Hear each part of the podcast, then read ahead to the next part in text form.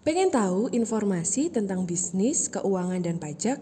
Dengerin terus di Cash, The Consulting Podcast, agar kamu selalu update informasi seputar bisnis, keuangan, dan pajak. Stay tune!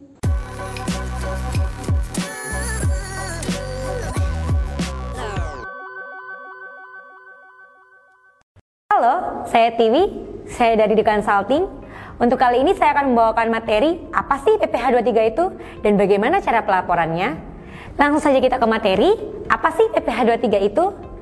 Jadi pajak penghasilan pasal 23 atau yang disebut PPh 23 merupakan pajak penghasilan atas modal, lalu hadiah atau penghargaan, penyerahan jasa, ataupun hal-hal lain yang tidak dipotong oleh PPh 21. Nah, objek pajak PPh 23 ini ada banyak teman-teman. Ya ini ada 62 objek pajak.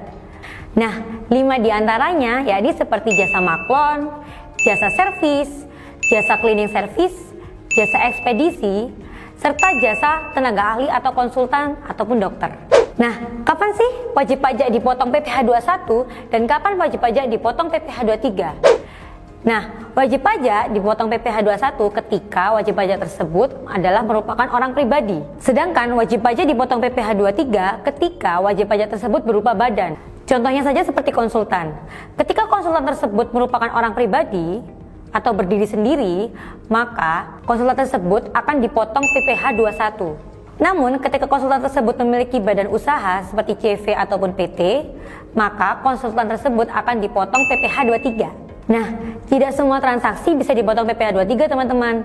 Jadi, ada beberapa transaksi yang tidak bisa dipotong oleh PPh 23. Yang pertama, yaitu penghasilan yang diberikan secara berulang oleh bank. Nah, penghasilannya ini Contohnya saja adalah pendapatan bunga bank. Untuk pendapatan bunga bank, kita tidak perlu menerbitkan bukti potong PPh 23, teman-teman. Yang kedua, yaitu berkaitan dengan sewa, yakni sewa yang berkaitan dengan sewa guna usaha yang memiliki hak opsi. Jadi, untuk sewa ini kita tidak perlu menerbitkan bukti potong PPh 23. Sudah mulai membuat perencanaan pajak usaha, namun takut tidak legal dan malah kena pemeriksaan.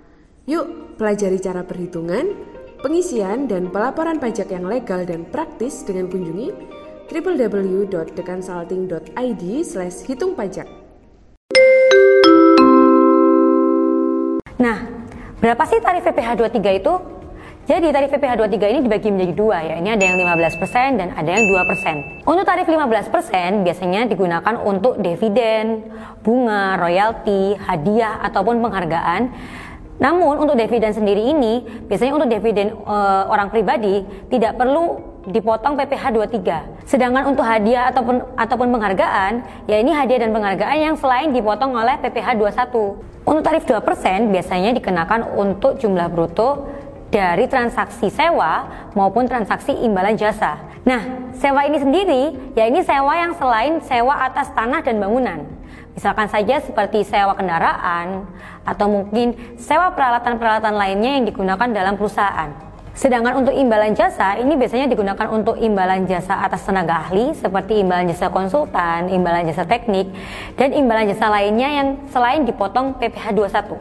Nah, bagi wajib pajak yang tidak memiliki NPWP, maka pemotongan PPh 23-nya akan dipotong 100% lebih banyak dari tarif PPh 23 yang normal. Nah, untuk pelaporannya sendiri, bagaimana sih caranya? Nah, sekarang dari bagian perpajakan sudah memudahkan kita untuk melakukan pelaporan PPh 23. Yakni pelaporan PPh 23 bisa dilakukan dengan menggunakan aplikasi yang bernama EBUPOT yang ada di DJP Online. Di dalam aplikasi EBUPOT, teman-teman sudah bisa melakukan pembuatan bukti potong, lalu pembuatan kode billing, serta melakukan pelaporan untuk PPh 23-nya. Untuk batas waktu setor dan lapornya kapan sih? Jadi untuk batas waktu setor, yakni tanggal 10 di bulan berikutnya.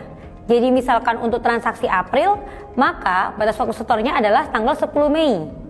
Sedangkan untuk batas waktu lapornya, yakni tanggal 20 di bulan berikutnya. Ketika transaksi tersebut bulan April, maka batas pelaporannya adalah 20 Mei. Nah, sekarang teman-teman sudah tahu kan apa itu PPh 23? Jangan lupa ya untuk melakukan pelaporan perpajakannya.